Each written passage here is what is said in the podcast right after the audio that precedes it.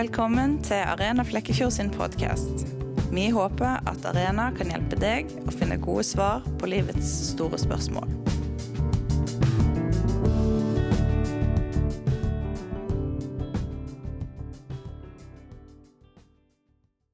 Jeg ble spurt om å snakke litt om det ondes problem, og det skal jeg gjøre. Eh, og dette er et av de kanskje de viktigste spørsmålene til kristendom, og en av de største utfordringene.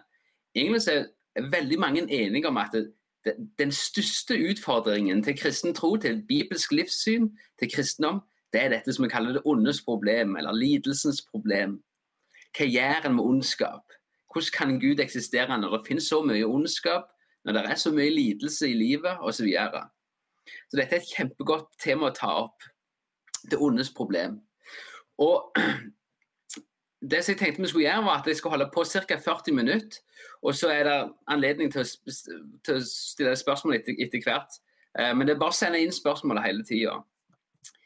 Men det som vi skal gjøre nå, er rett og slett vi skal dele det opp i tre. Og Vi skal først se på det teoretiske spørsmålet. Det er altså det, det filosofiske spørsmålet. Det logiske spørsmålet, om du vil, med det ondes problem. Er, er det i det hele tatt mulig at det kan eksistere en gud når det er så mye ondskap i verden som vi ser. Det andre vi skal gjøre, er rett og slett se på det eksistensielle spørsmålet. Det betyr rett og slett livet. Hvordan er det i livet mitt? Men det kan gjerne være det Jeg kan tenke at det logisk sett kan finnes en gud, men hvordan gjør jeg det for hjertet mitt, er ikke like lett. Og min, min erfaring er at det er ofte det her de fleste har et problem. Det er gjerne ikke så mye det logiske og det, det filosofiske, men det er mer det er vanskelig å leve med å tenke at det finnes en gud når jeg opplever forferdelige ting. Det siste vi skal gjøre, er å se på hva vi gjør med ondskapen. Ok, det finnes ondskap. Hvordan Finnes det noen ressurser i kristent livssyn for å takle, for å leve og for å møte ondskap? Så Det er altså en tredeling her. Først det teoretiske spørsmålet, eller det filosofiske spørsmålet. Så litt mer dette her, det vanskelige spørsmålet tilknyttet til livet. Og så hva skal vi gjøre med ondskapen. Og jeg vil bare si til deg at Hvis du er her nå og har lidelse i, i, i, i livet ditt her og nå, så vil de første, det første spørsmålet her vil du egentlig bare gå rett over hodet. Det vil være egentlig uinteressant for deg. Um, det vil virke helt Eh, kjedelig og ikke, ikke, relevant. Så jeg ville bare hoppet over det, på en måte. Slå av lyden i ti minutter, og så kan du gå på. Eh, for det som du trenger først og fremst da, hvis du er lite her og nå, eh, er trøst, og du trenger å ja, vite at det er noen der som bryr seg. Så, men eh, dette skal vi altså gjøre. Først se på disse her tre, tre tingene her, eh, og vi kjører i gang. David Hume han var skotsk filosof og en av de mest kjente artistene i historien. Og Han har en formulering på det ondes problem. Og Det går sånn som dette her. Da er det to premiss og en konklusjon. Og da er det sånn at Hvis premissene er sanne, og logikken er, er, funker, da må òg konklusjonen komme. Så skal vi se på disse her. Premiss 1. Hvis Gud er allmektig og fullstendig god, vil han og kan han utsette lidelse? Så hvis, Gud, hvis det eksisterer en Gud som er fullstendig god og allmektig, så både vil han, han er god, så han vil utsette ondskap, og han er allmektig. Det vil si at han har mulighet til å gjøre det. Så hvis Gud er allmektig og fullstendig god, så vil han og kan han utslette lidelse. Premiss to lidelse finnes. Um, ja, det, og Da blir konklusjonen Gud er derfor enten ikke god eller ikke allmektig. Enten er han ikke god, kanskje er han ikke god. Han har muligheten, han er allmektig og har muligheten til å utslette all ondskap, all lidelse, all forferdelige ting. Men han gjør det ikke. Eller så er han god, men han er ikke allmektig. Han har ikke mulighet til det. Han ønsker gjerne, men kan ikke gjøre det. Så det må være enten en av disse to tingene. Eller så kan det jo selvfølgelig være at Gud ikke eksisterer. Det ligger en, en, et problem eller et, i hele konseptet om Gud, eller hele personen Gud. Så dette er en måte å formulere det ondes problem på. hvordan kan Gud eksistere når vi ser så mye lidelse, enten i mitt eget liv eller på nyhetene nå i disse tidene? Um, ja. Og Det som vi skal se på, er rett og slett noen løsninger på dette problemet her. Fra David Hume. Og jeg tenker å dele det opp på denne måten her. Først er det et teoretisk problem. Og Det må vi løse med logikk og med og filosofi og tanke. Og så er det et eksistensielt problem, og det skal vi løse litt annerledes. Men du kan, du kan formulere det sterkest på denne måten. Punkt 1.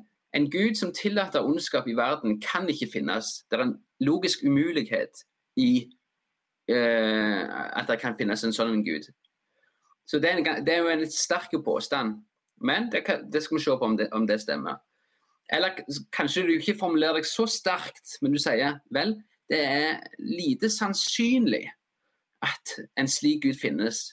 Det, det er kanskje mulig at det kan finnes en god allmektig Gud, og det, der eksisterer mye ondskap i verden, men det er lite sannsynlig. Så Det er altså det teoretiske. To, to på en måte varianter, en sterk og en svak variant av det teoretiske problemet. Um, men litt det samme du, hvordan du forholder deg til det. Om du tenker at de, de, det teoretiske problemet der er, er, er, bra eller dårlig, så må du allikevel forholde deg til det eksistensielle problemet.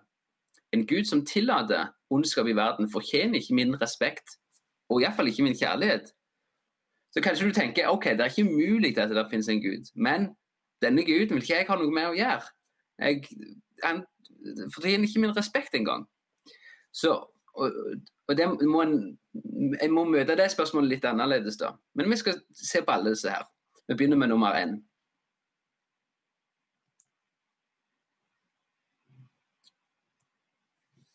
Og det som du gjør, er rett og slett En gud som tillater ondskap i verden, kan umulig eksistere. Og for å være ærlig, så i de aller fleste i filosofiske kretser så har dette ondes problem egentlig vært løst de siste ca. 50 åra. Eh, og En som har vært veldig viktig der, er en kar som heter Elvin Plantinger. Han lever ennå og har jobba veldig godt med dette. Han er en kristen eh, filosof. Og Noe av det som han sier, er at det eneste vi trenger å si, er at Gud kan ha grunner for å tillate ondskap. Og hvis vi kan si at Gud kan ha grunner for å tillate ondskap, det er ikke, det er ikke sikkert vi vet hva de grunnene er, men vi, vi tenker at det, det, er en mulighet uh, for at Gud kan ha grunner for å tillate ondskap. Med en gang du, du sier at det er en mulighet, så, så, er det ikke lenger en umulighet at det eksisterer en Gud og ondskap samtidig. Så det, det er rett, rett, og slett svaret på dette her det, det, Å si at det er logisk umulig at det eksisterer en god, allmektig Gud i en verden der ondskap eksisterer? Vel, det kan finnes grunner for hvorfor Gud tillater eh, ondskap på denne måten. Og det, de aller fleste, eller det som får filosofer og mange til å tenke at det, vel, ondets problem har vi egentlig gjort oss litt ferdige med, er rett og slett dette at de aller fleste tenker Gud kan veldig godt ha grunner for å tillate ondskap. Kanskje, kanskje vi kan tenke oss til det, Kanskje kan vi ikke det, men det er iallfall en mulighet for at Gud kan ha grunner for å tillate ondskap. OK, greit, sier du. Fint. Det er kanskje ikke logisk umulig at det eksisterer en Gud, men er det sannsynlig? Er, er, er det sannsynlig at det eksisterer en Gud i denne verden? Jeg hadde kanskje, Hvis jeg hadde sett for meg at det finnes en god, allmektig Gud, så kunne jeg gjerne tenkt at verden var litt mindre korona, litt mindre kreft, litt mindre, altså, litt mindre ondskap, litt mer død, mindre død osv. At det hadde vært litt bedre. Det, er, virker som at det er såpass, det er såpass mye eh, lidelse i denne verden at eh, vi, kan, vi, kan, stille oss er det, er det, sannsynlig at det eksisterer en gud eh, som er god og allmektig i en verden som denne? Hva skal vi svare på det? Vi kan formulere det på denne måten. Det er usannsynlig at det finnes en god og allmektig god Gud når ondskap eh, finnes. Men da må vi spørre oss et motspørsmål. Er det sannsynlig at vi ser det store bildet? Eh, Gud har antakelig grunner for å tillate ting som er utenfor vår forståelse. Så OK, vi sier det. Og, og Utfordringen er rett og slett dette. I hvilken grad kan vi gjøre en god sannsynlighetsberegning på hva Gud kan tillate og ikke? Og Da står vi egentlig i en litt dårlig posisjon til å gjøre en sånn vurdering i, i ja, sannsynlighet. La meg ta et bilde. La meg si, tenk deg Hvis jeg spør deg, kanskje sitter du i stua di og ser på dette her. Så sier jeg OK, kan du gå inn på badet i 30 sekunder på badet ditt hjemme? I 30 sekunder, og så vil jeg at du skal komme tilbake her. Eh, og så skal jeg eh, Ja, OK, så gjør du det. Du går inn på badet ditt, er der 30 sekunder, og så kommer du tilbake. Og så spør jeg deg dette spørsmålet. Ja, når du var inne på badet, så du noe støv der? Og så sier du støv? Nei, jeg så ikke noe støv der inne. Eh, OK, sier jeg. Og så spør jeg, men had, hvis, hvis, det hadde vært noe støv inne på badet ditt, hadde du hatt mulighet til å se det? Og så sier du nei, antagelig ikke. For det er jo så lite. Pluss at jeg har så, jeg har ganske svakt syn, kan, sier du kanskje. Eller jeg visste ikke at jeg skulle eh, se etter dette støvet når jeg var der inne i de 30 sekunder. Så det kan godt være at det finnes støv, støv på badet ditt, men det var ikke godt for deg å se det. Og litt sånn som dette er det med dette her, at jeg og deg lever 80-90 år toppen, eh, sannsynlig. Eh, og, men som egentlig er en veldig kort tid, hvis du tenker på historien. Så, så hvilke anledning og mulighet eh, har vi til å vurdere eh, en sannsynlighet om Gud har gode grunner til å tillate lidelse eller ikke? er veldig svakt. da. Det er som å gå inn på et bad 30 sekunder og si det, var det støv der inne. Jeg vet ikke. Hvem vet dette?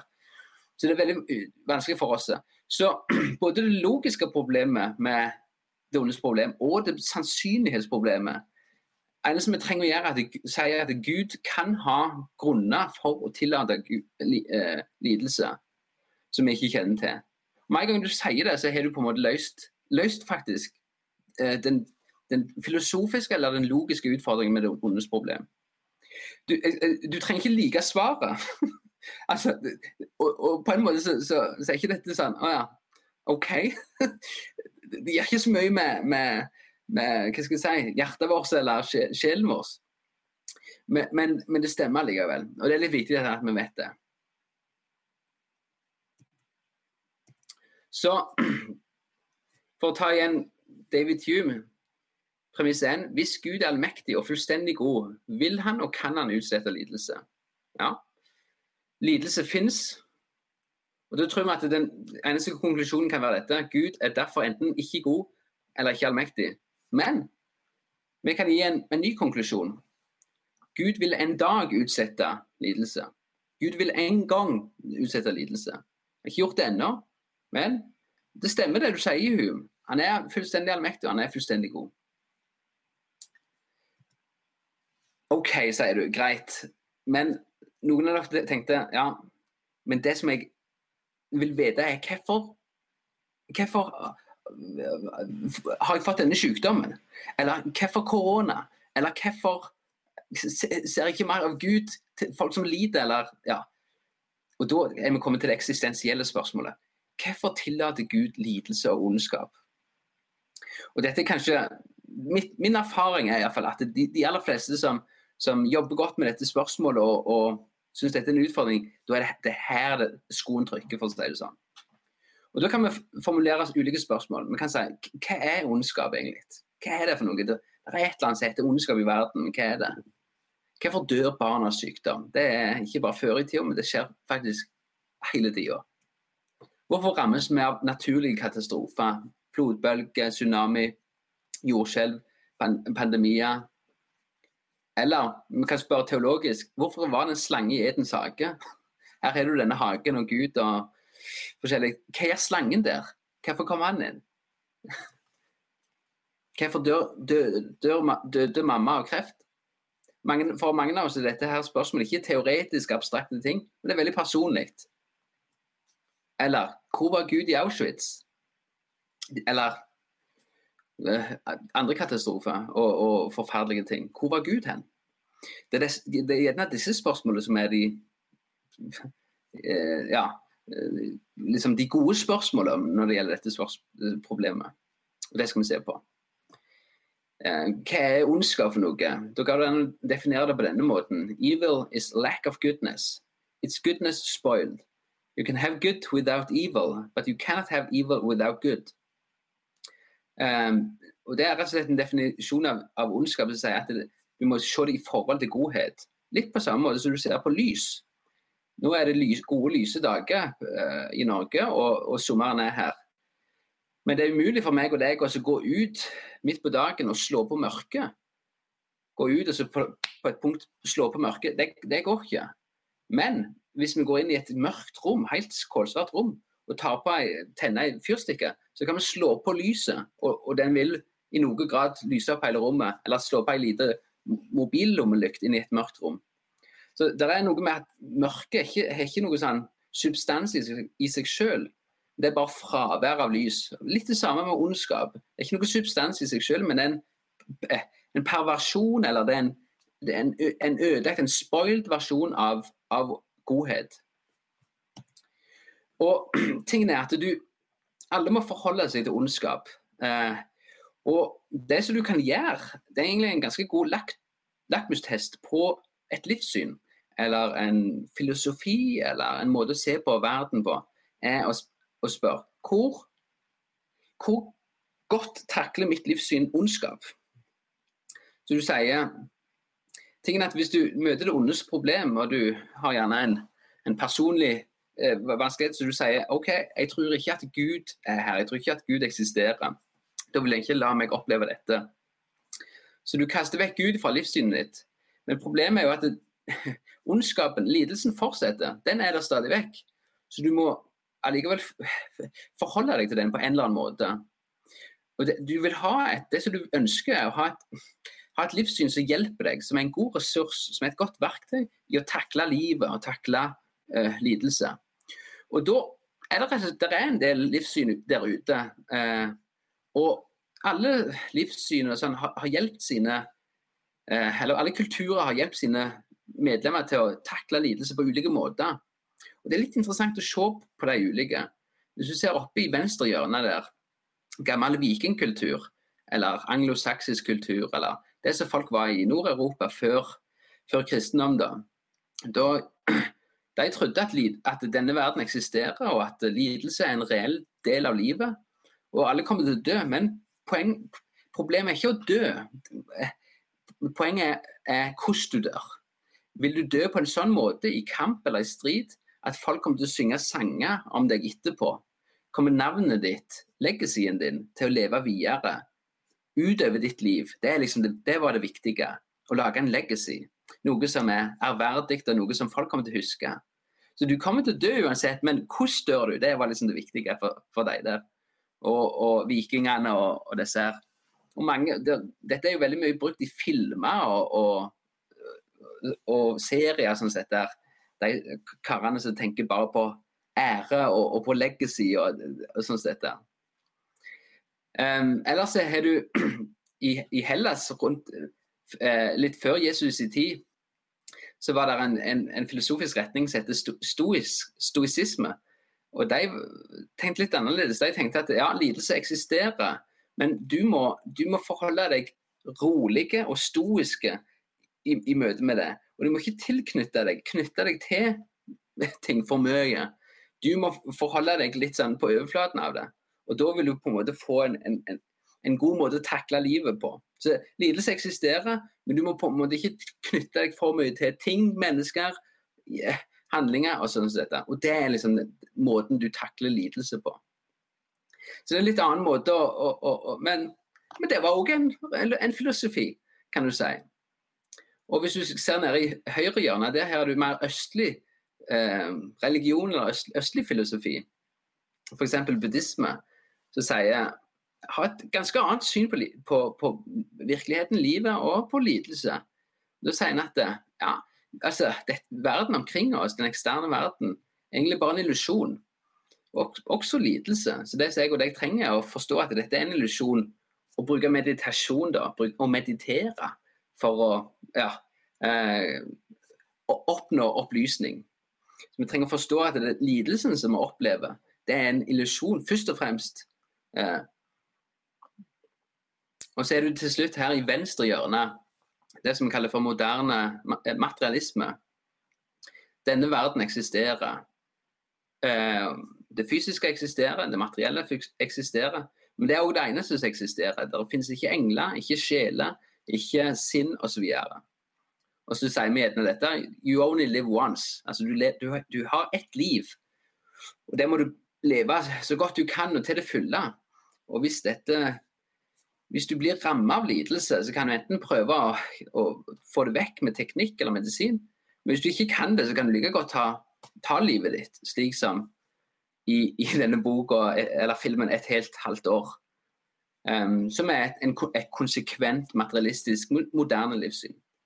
Men det som vi ser her, er at alle disse kulturene de er veldig forskjellige. Det er, det er lang vei fra en viking til, til en, en stoiker, og det er lang vei fra moderne materialisme til buddhisme.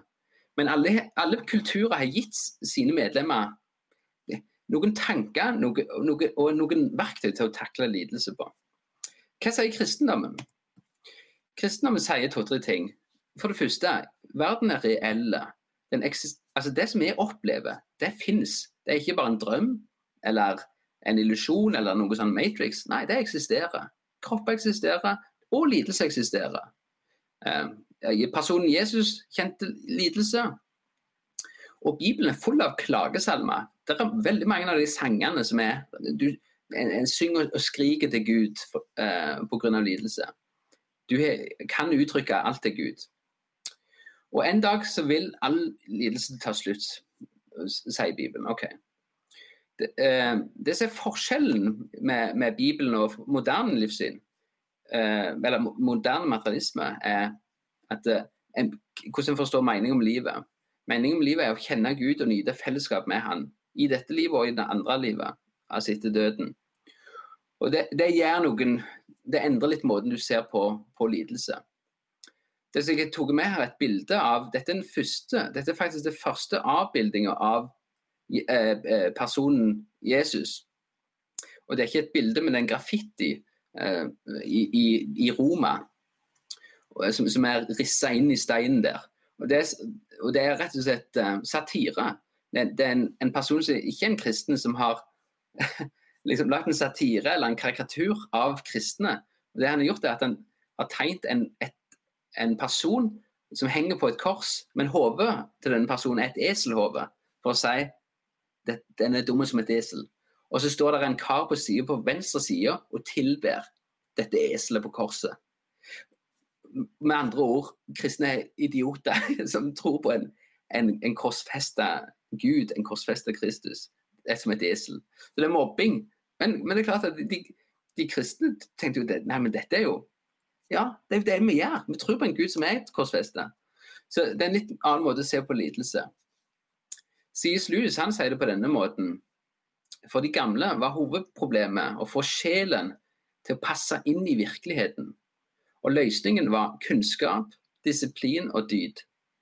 For det moderne mennesket er problemet hvordan få virkeligheten til å passe til sjelens ønsker, og løsninger er teknikk. Så det er to veldig forskjellige måter å se på liksom, liv og, og, lidelse. Så uansett hvilket livssyn du velger, altså du, på en eller annen måte så må man forholde seg til lidelse, ondskap. Eh, og og det er, er, faktisk noen livssyn som er som er bedre, mer robuste og, og hjelper deg litt bedre på det. OK, men hvorfor tillater Gud ondskap? eh, og jeg pleier alltid å gjøre dette her og si dette er iallfall ikke grunnene. Um, på grunn av det, Bibelen er også litt sånn, Bibelen gir noen svar, men det, det er òg en, en, del ting Bibelen ikke svarer på. Og det, det er faktisk litt enklere å si ja, dette vet vi iallfall at grunnen ikke er. Så hvorfor tillater Gud ondskap? Det første man må si er at det, det er ikke pga. at det er en ontologisk nødvendighet. Hva betyr det? Det betyr rett og slett Noen tenker at i verden så eksisterer der yin og yang. Ondskap og godhet. Lys og mørke. Og De to må eksistere. De fungerer i en slags sånn eh, De komplementerer hverandre. De, ondskapet er nødvendig av, av, godhet, og godhet er nødvendig av ondskap osv. Gud må ha Satan og eh, osv. I Star Wars har du en sånn type greie. Men det, det rimer ikke med, med, med, med, det som Bibelen forteller om. Uh, nei, da er det der eksisterer en Gud, og godhet klarer helt fint å eksistere uten ondskap. Så det er ikke noen sånn nødvendighet at det må eksistere ondskap. Ondskap er alltid en avbrytelse og en forstyrrelse av, av livet og av Gud. Ja. Død er alltid en avbrytelse og en forstyrrelse sammen med sykdom. Så, så, det kan ikke være grunnen til at Gud tillater lidelse. Det er ikke pga. at det må være der. Ok, Nummer to, da. Er det at Gud straffer oss? Det kan jo være lett å tenke. OK, jeg, um, jeg, jeg uh, var ikke god med, med, med, vennen min. Jeg, var, jeg løy til han. Og så seinere så, så slår, slår, jeg faller og slår meg på kneet. Ja, det var kanskje Gud som straffa meg. Jeg burde ha liksom ikke løyet til vennen min karma, liksom. Eh, at Gud styrer verden som, som karma. Dette stemmer heller ikke. Og en viktig plass her er, er Jobb 42,7. Der står det, det altså, Jobb som opplever alt det forferdelig lidelse. Han blir prøvd av djevelen. Og, og, så har han venner som skal på en måte belære og moralisere og, og, og liksom hjelpe han, men de er elendige venner. Og På slutten av denne boka, Jobbs bok i Bibelen, så sier Gud dette til vennene. Hør på dette. Jeg har brennende harm på deg og de to vennene dine, og dere har ikke talt rett om meg som min tjener Jobb. For Disse vennene har rett og slett gått til Jobb og så har de sagt Jobb, du opplever alt dette lidelsen pga. at du har synda, eller pga. at du har gjort imot Gud, eller du har gjort et eller annet som Gud ikke liker, og så får du dette som payback time. Så sier Gud jeg er brennende harm på dere. Dette, dere løyet om meg. Dette stemmer ikke. Det er ikke sånn jeg er. Så Gud straffer oss ikke. Samme skjer med, med Disiplene spør en gang Jesus, en kar som er blind, så spør de en ja, hvorfor er han blind? Er det pga. at han selv har synda, eller foreldrene har synda? Og Jesus sier nei, verken han selv eller foreldrene som er grunnen til dette, men nå kan Guds herlighet bli åpenbart på denne karen, så helbreder han synet hans. Så Bibelen sier helt klart nei til dette. her, At vi opplever lidelse pga. at Gud straffer oss. Nei, det er heller ikke grunnen. OK um, Er det at Gud ikke bryr seg, da? Ok, Han er kanskje ikke aktivt og, og driver og straffer oss, men er det at han er care? Jeg bryr meg ikke. Jeg, han, han, han det er ingen, ingen, der oppe eller der ute som, som, som tenker, på, tenker, på, oss. Det er jo i hvert fall en veldig sånn lett å tenke når en sitter midt i sykdom eller forferdelige ting. Men da sier Peter noen interessante ting. Han sier i 2. Peter 3,9 Herren er ikke sen med å oppfylle sitt løfte, som noen mener. Nei, han er tålmodig med dere, for han vil ikke at noen skal gå fortapt, men at alle skal nå fram til omvendelse. Ha, så sier han at ja, jeg, jeg vet, Peter sier her, jeg, jeg, vet at det kan se sånn ut, men det er ikke sant som noen sier at det, han er sein, eller at han ikke bryr seg, eller at han har glemt dere. Nei, men han drøyer det, liksom, for at flere skal nå til oppvendelse med et mål hos Gud. Og vi må ta med det nummer fire òg. Grunnen til at Gud tillater ondskap, er ikke pga. at han ikke elsker oss. Hvis du hadde elska meg, Gud, så ville du ikke ha latt meg oppleve dette. Eller hvis du, Gud, virkelig hadde elska mennesker, hvordan kunne du tillate Auschwitz? Nei, da må du se i Romerne 5,8. Der står det Men Gud viser sin kjærlighet til oss ved at Kristus døde for oss mens vi ennå var syndere. Jeg vet ikke om dere har lest denne boka eh, 'Fem kjærlighetsspråk'. Det er liksom handler om at eh, man kommuniserer kjærlighet og, og, og, mottar kjærlighet på ulike måter. Men da sier rett og slett Paulus her at Gud, måten Gud kommuniserer sin kjærlighet på, Guds kjærlighetsspråk er å gi sitt liv til, for mennesker. Det er å dø slik at mennesker kan leve. Det er måten han viser kjærlighet på. Det at og så er det veldig viktig at Gud viser ikke sin kjærlighet med at han lar oss unnslippe lidelse eller ta deg vekk fra lidelse. Nei, det er ikke måten han viser sin kjærlighet på. Gud viser sin kjærlighet med dette, at han gir sitt liv for oss. Så det er på en måte hans kjærlighetsspråk, kan du si. Så da, OK. Og dette, jeg jeg syns ofte dette er veldig viktig, på grunn av at OK, da vet vi iallfall det. Gud, du tillater lidelse av en eller annen grunn, men det er iallfall ikke pga. at det må være der, eller pga. at du straffer oss, eller at du ikke bryr deg, eller at du ikke elsker oss. Det endrer litt måten en, en forholder seg til denne Gud. Men, men jeg har ennå ikke svart på ja, men hvorfor, hvorfor tillater han det, da? Det kommer vi til nå. Dette er antagelig grunnene til at Gud tillater ondskap. Eh, og det er, er tre.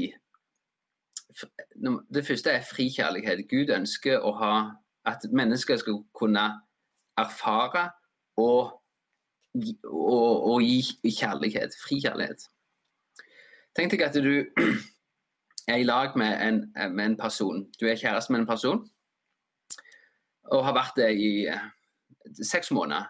Og du er helt forelska i denne personen. Fantastisk.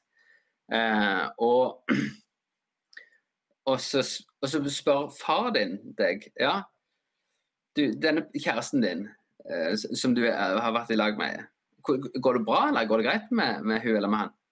Så sier du ja, det er fantastisk.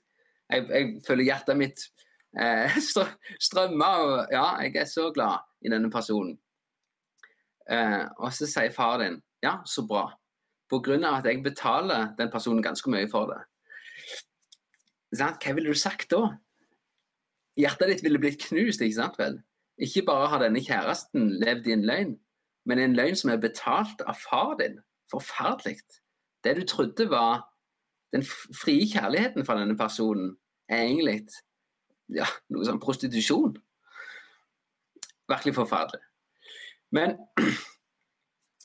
det som vi ser at Gud ønsker, er fri kjærlighet. Han ønsker at mennesker faktisk skal respondere uh, i, i, i, fri kjærlighet. Ikke pga. at han betaler dem for det, eller at han tvinger dem til det. Nei, pga. at de selv vil det. Og Da ser det ut som at, det, at det, det, eneste universet der det er mulig, er et univers der òg ondskap, en, en mulighet, kan finnes. En annen ting er ikke bare kjærlighet, men fri vilje. Altså, det at mennesket har anledning, eller har mulighet til å velge ulike ting. I første Mosebok 1.27 står det at mennesket skapte Unnskyld, Gud skapte mennesket i sitt bilde. I Guds bilde skapte han dem. Vi vet ikke alt hva det betyr, men én ting det antagelig betyr, er at mennesket òg har denne her muligheten til å velge på godt og ondt. Og da må òg muligheten være for å velge ja, onde ting, eller velge bort Gud, eller ja. Og Peter han skriver at det, ja, det ser ut til at det, det, er en mulighet til å velge bort Gud. Og I 2. Peter 3,15 så sier han og Herrens tålmod skal dere se som en mulighet til frelse. Så det at Gud er tålmodig og gir anledning til å velge han eller velge noe annet, det skal du se på som en mulighet til frelse. Så jeg pleier å tenke på, på denne måten. Gud, tenk deg at Gud ser, ser framover i tida, så ser han veldig mange ulike tenkte verdener, eller tenkte univers. Så, så vil han jeg, OK, jeg vil velge det universet der flest mulig mennesker Der jeg kan elske flest mulig mennesker, og flest mulig mennesker kan bli frelst og elske meg. Og så velger han det universet der det skjer. Og da er det universet det som vi sitter i her i dag. Og, og der er det en del lidelse, faktisk. Men det er vanskelig for oss å si om, om det er mye eller lite. Kanskje hadde det vært egentlig veldig mye mer lidelse. Um, ja. Men dette, det, dette er det Gud, Gud, ønsker, at flest mulig mennesker skal finne liv i Han. da. Og da må det finnes en, en, en mulighet, en anledning for ondskap. så det er antagelig grunnene for, for, for lidelse. Så er det en, en, del grunner, en del ting som Bibelen ikke svarer på. Bibelen svarer ikke på hvorfor det er en, en, plutselig en slange i den der Edens hage. Vi, vi, kan høre noen hint, men, men uh, ja, det, Så det er en del ting vi aldri, aldri får svar på. Men, men, her ser det ut til at det, ok, vi kan iallfall vite disse tingene. Og så må jeg si en av disse tingene at det, Bibelen gir egentlig ikke noe Bibelen har et, en bok midt i Bibelen som er et case-studium på det ondes problem. og Den heter Jobbs bok. Les gjerne den, altså. Eh, men du får aldri noe sånn, hva skal jeg si, et, et vanntett argument mot um, det ondes problem i, i, Bibelen. Men Bibelens svar på det ondes problem er ikke et argument, men en person. Det er Jesus. Så Gud har sjøl eh, lidd, og Gud har sjøl opplevd ondskap.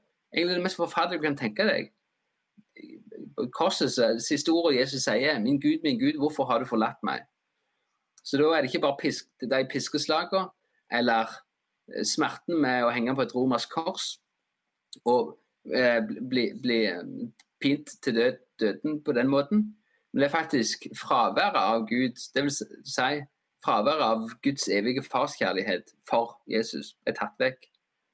Og, og, det er det vi kan kalle helvete, og det er helvete. Så Gud sjøl har opplevd dette, og det har du ikke andre, andre plasser. Altså, eh, I Hebreerne 4,17 så sier det For vi har ikke en øverste prest, det er altså en, en Jesus. Vi har ikke en, en, en, en øverste prest, en Gud som ikke kan lide med oss i vår svakhet, men en som er prøva i alt på samme måte som vi, men uten synd. Så det, er en utrolig ressurs det der å vite at eh, når jeg går gjennom ting, om det er forferdelige ting eller om det er trivielle um, ja, utfordringer, eller, eller ja, så vet jeg at Gud, du vet akkurat hva jeg går gjennom. Du vet dette. Du har selv vært gjennom det. Vi har ikke en Gud som er abstrakt, langt vekke, utenfor, som ikke bryr seg. Nei, vi har en Gud som har opplevd det, og mer til. Så det får du ikke andre plasser. Du får ikke det i buddhisme, du får ikke det i materialisme, du får ikke det i, i, i, ja, i andre livssyn.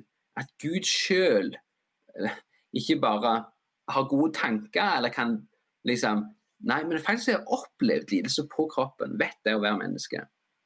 Så dette er, på en måte Hvis du her og nå lider og har det vanskelig, da er dette svaret. Det er Jesus. Det er ikke noe annet. Det er ikke noe argument. Det er personen Jesus. Han er, det er han som trøster.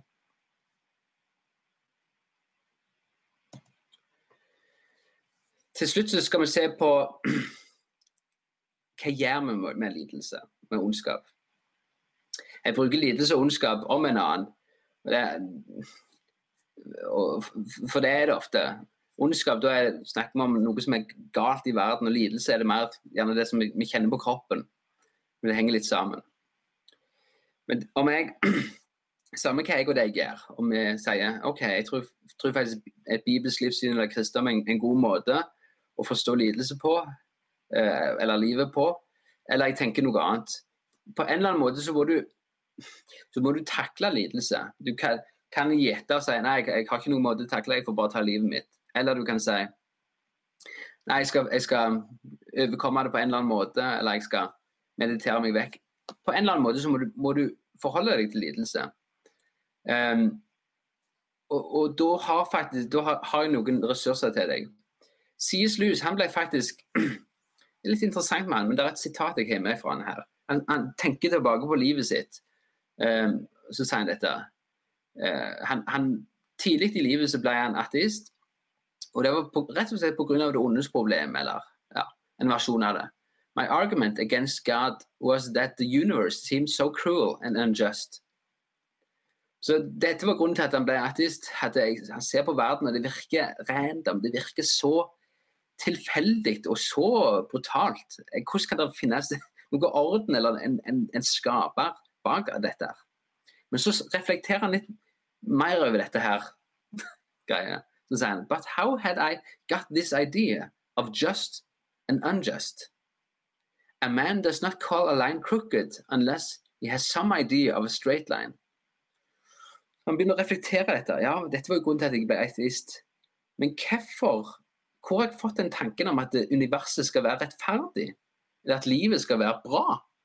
Eller at det er galt at løver dreper sebraen, eller at rike stater uh, overtar svake stater, eller at uh, sterke mennesker uh, manipulerer svake mennesker. Hvorfor hadde, hvor jeg fått den ideen om at dette er feil, at det er galt, at det er ikke bra? Så begynner han å tenke videre på dette, og så tenker han nei, jeg, nei det er faktisk ingen god grunn til å tenke at det der må være en, en, moral, en standard, et eller annet som er godt og ondt, uten at det finnes en gud. Så for C.S. Så kan du si at det, det ondes problem var både veien vekk fra kristendom og inn i kristendom. Han ble kristen i, i 30 år eh, senere. Ganske interessant. Um, til slutt så skal jeg bare dele to bilder som Bibelen gir på lidelse. Bibelen har faktisk veldig mye å si om dette. Uh, og det er, er, er, faktisk ganske nyttig. De, de, de, viktigste bildene Bibelen gir på hva lidelse er for noe, det er en, en mørk dal, som du ser på venstre side her. Du går gjennom livet som om livet er en mørk dal. Um, et dødsskyggens dal, kan du si. Um, og, og, det er på en måte en, en slags metafor på vanskeligheter, lidelse, ondskap osv. Og, og da sier Bibelen dette her. Salme 23, 23,4. Om jeg enn skulle vandre i dødsskyggens dal, frykter jeg ikke noe vondt, for du er med meg. Din kjepp og din stav, de trøster meg. Så da, Det som er interessant her, er at han sier Gud, du tar meg ikke vekk fra denne dalen. Du sier ikke du, ah, ok, du trenger ikke gå i denne dalen. Nei, jeg må gå i den dalen. Men du er med meg, Gud. Du går med meg. Eh, du trøster meg, og du går sammen med meg. Og dette er alltid det Jesus sier. Jeg går sammen med deg. Jeg tar deg ikke bort fra lidelse, fra ondskap, fra vanskelige ting i livet. Du må gå gjennom det. Men jeg kommer til å gå med deg. Jeg kommer alltid til å være der. Så, så, så den, det er et, et, av de viktige bildene bildene har i Og dette er gjennom hele Bibelen. Det andre bildet det er rett og slett en smeltedigel. Du skal lage noe metall, et sverd eller eh, et fint armbånd kanskje. Så bruker du noe metall, sølv eller gull eller noe metall. Og Da må du ta så hamre det og varme det opp for å få vekk slagg og gjøre det hardere, gjøre det vakrere og gjør det bedre, metallet. Og Da sier Bibelen at vi, jeg og deg, vi er som et metall. Vi lever ikke bare 'you only live once'. Nei, vi, vi skal leve evig. Og Da ønsker Gud å gjøre oss vakrere, gjøre oss hardere og gjøre oss bedre som metall. Eh, og Peter han sier det på denne måten. Derfor kan dere juble av glede, selv om dere nå en kort tid, om så må være, har det tungt i mange slags prøvelser. Slik blir troen deres prøvet selv forgjengelig gull som blir prøvet i ild, uh, ja, blir, uh, ja, blir prøvet. Jeg har visst ikke med hele verset. Troen, som er så mye mer verdt, må også prøves. Så den kan bli til pris og herlighet og ære for dere når Jesus Kristus åpenbarer seg. Så På samme måte som du må prøve gull, sølv, metall i ilden for å gjøre den bedre, gjøre den hardere, gjøre den vakrere, så må du også ønske Gud å prøve troen vår for å gjøre den bedre. Så her har du disse to bildene er, er liksom er litt mer sånn livs, hjelp, hjelp, til livet. Hvordan jeg og deg forholder oss til, til lidelse og ondskap. OK. Det var det jeg hadde eh, for dere i dag. Og hvis dere ønsker å lese noen eh, bøker på dette, så er 'Walking with God Through Pain and Suffering' en kjempegod bok av Tim Keller. Ellers 'Lidelsens problem' av C.S. Lewis og en sak som min. Kjempegode bøker. Ellers Jobbs bok i Bibelen òg. Et fantastisk case-studium på, på, på, lidelse og ondskap. Um, så ja, det var det. Takk for at du hørte på dagens episode. Hvis du vil vite mer om Arena, kan du finne oss på Facebook. Der heter vi Arena Flekkefjord. Eller gå inn på hjemmesida vår arena-flekkefjord.no. Vi vil gjerne høre fra deg, og vi håper at vi ses på Spira.